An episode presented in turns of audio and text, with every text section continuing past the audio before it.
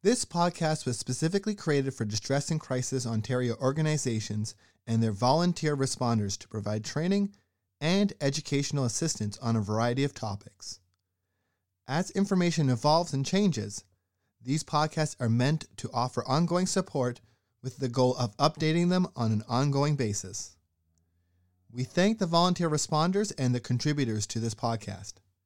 Please visit our website, dcontario.org, for more information and how to access free mental health services. Thank you.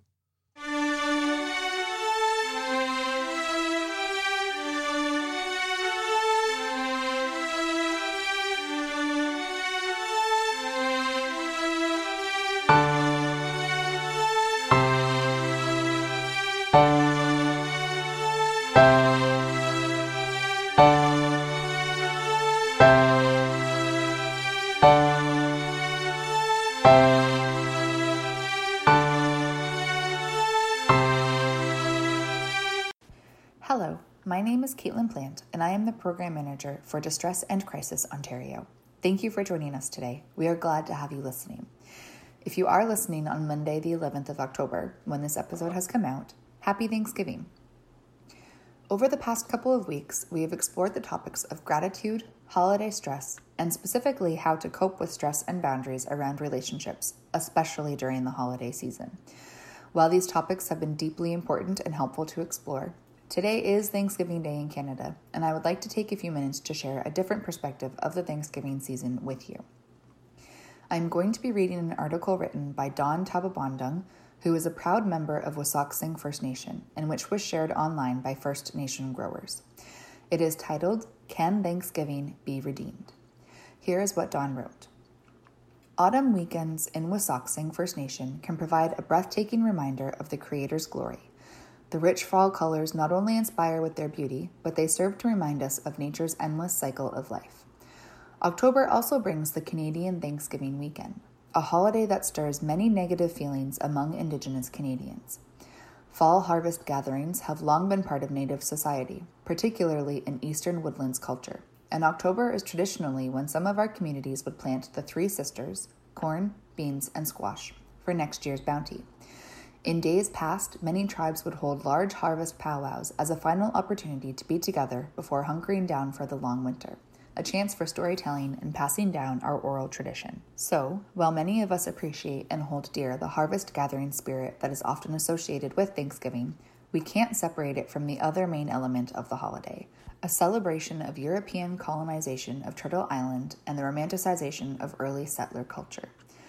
Although Canadian Thanksgiving has its own origins dating back to 1606, much of the mythology and imagery that we associate with Thanksgiving comes from the American Plymouth Rock story. The Thanksgiving myth is built upon the idea of the noble, civilized Europeans sharing a meal with the friendly savages from the local indigenous population. While there was indeed a first Thanksgiving gathering between the Pilgrims and Wampanoag, it was very different from what history has so long taught. More importantly, the legacy that it spurred was not of friendship, but of betrayal and bloodshed. We know what would happen to our communities in the years, decades, and centuries that followed the first Thanksgiving smallpox, stolen land, violent wars, broken promises, ignored treaties, forced migrations, residential schools, 60s scoops, cultural genocide. It was never about working together, it was about exploiting, converting, and getting rid of an inconvenient Indigenous population. Is this really something to celebrate? I think that question answers itself. A more interesting question, though, is can Thanksgiving be redeemed? I'll leave you with the words of historian Christine Sismondo. A good start would be to acknowledge that Europe had pre contact harvest feast traditions of their own, but to stop pretending Europeans invented Thanksgiving in Canada or the United States, and instead consider how to repurpose the holiday to redress historical wrongs and imagine a new Canadian identity.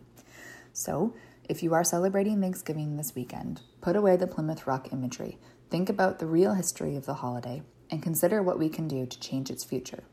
Maybe the change of this holiday's meaning should be about reconciliation and all that the Indigenous people have sacrificed.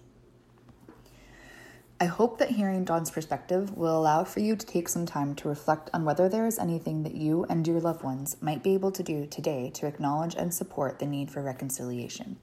If you would like to explore more resources related to this, a good place to start is by visiting reconciliationcanada.ca and exploring the information and materials they have. Thank you for listening to this week's podcast. I know it's been a short one, but we here at DCO hope that you and yours have had a Thanksgiving weekend filled with gratitude, love, and support. Please remember that the majority of our distress centers and the ONTX program are still available during holidays. So if you are in distress, crisis, or simply need someone to talk to, please do not hesitate to reach out. You can find your nearest center by visiting www.dcontario.org forward slash locations, or you can access ONTX daily between the hours of 2 p.m. to 2 a.m. by texting support to 258 258 or by clicking Looking for Support from any page of our website. I hope you have a great week and thank you again for listening. Hey, it's Damien here, here to announce that we're moving back to fireside.fm in the next month or so please update your podcatcher to feeds.fireside.fm slash DC Ontario slash RSS. Thank you.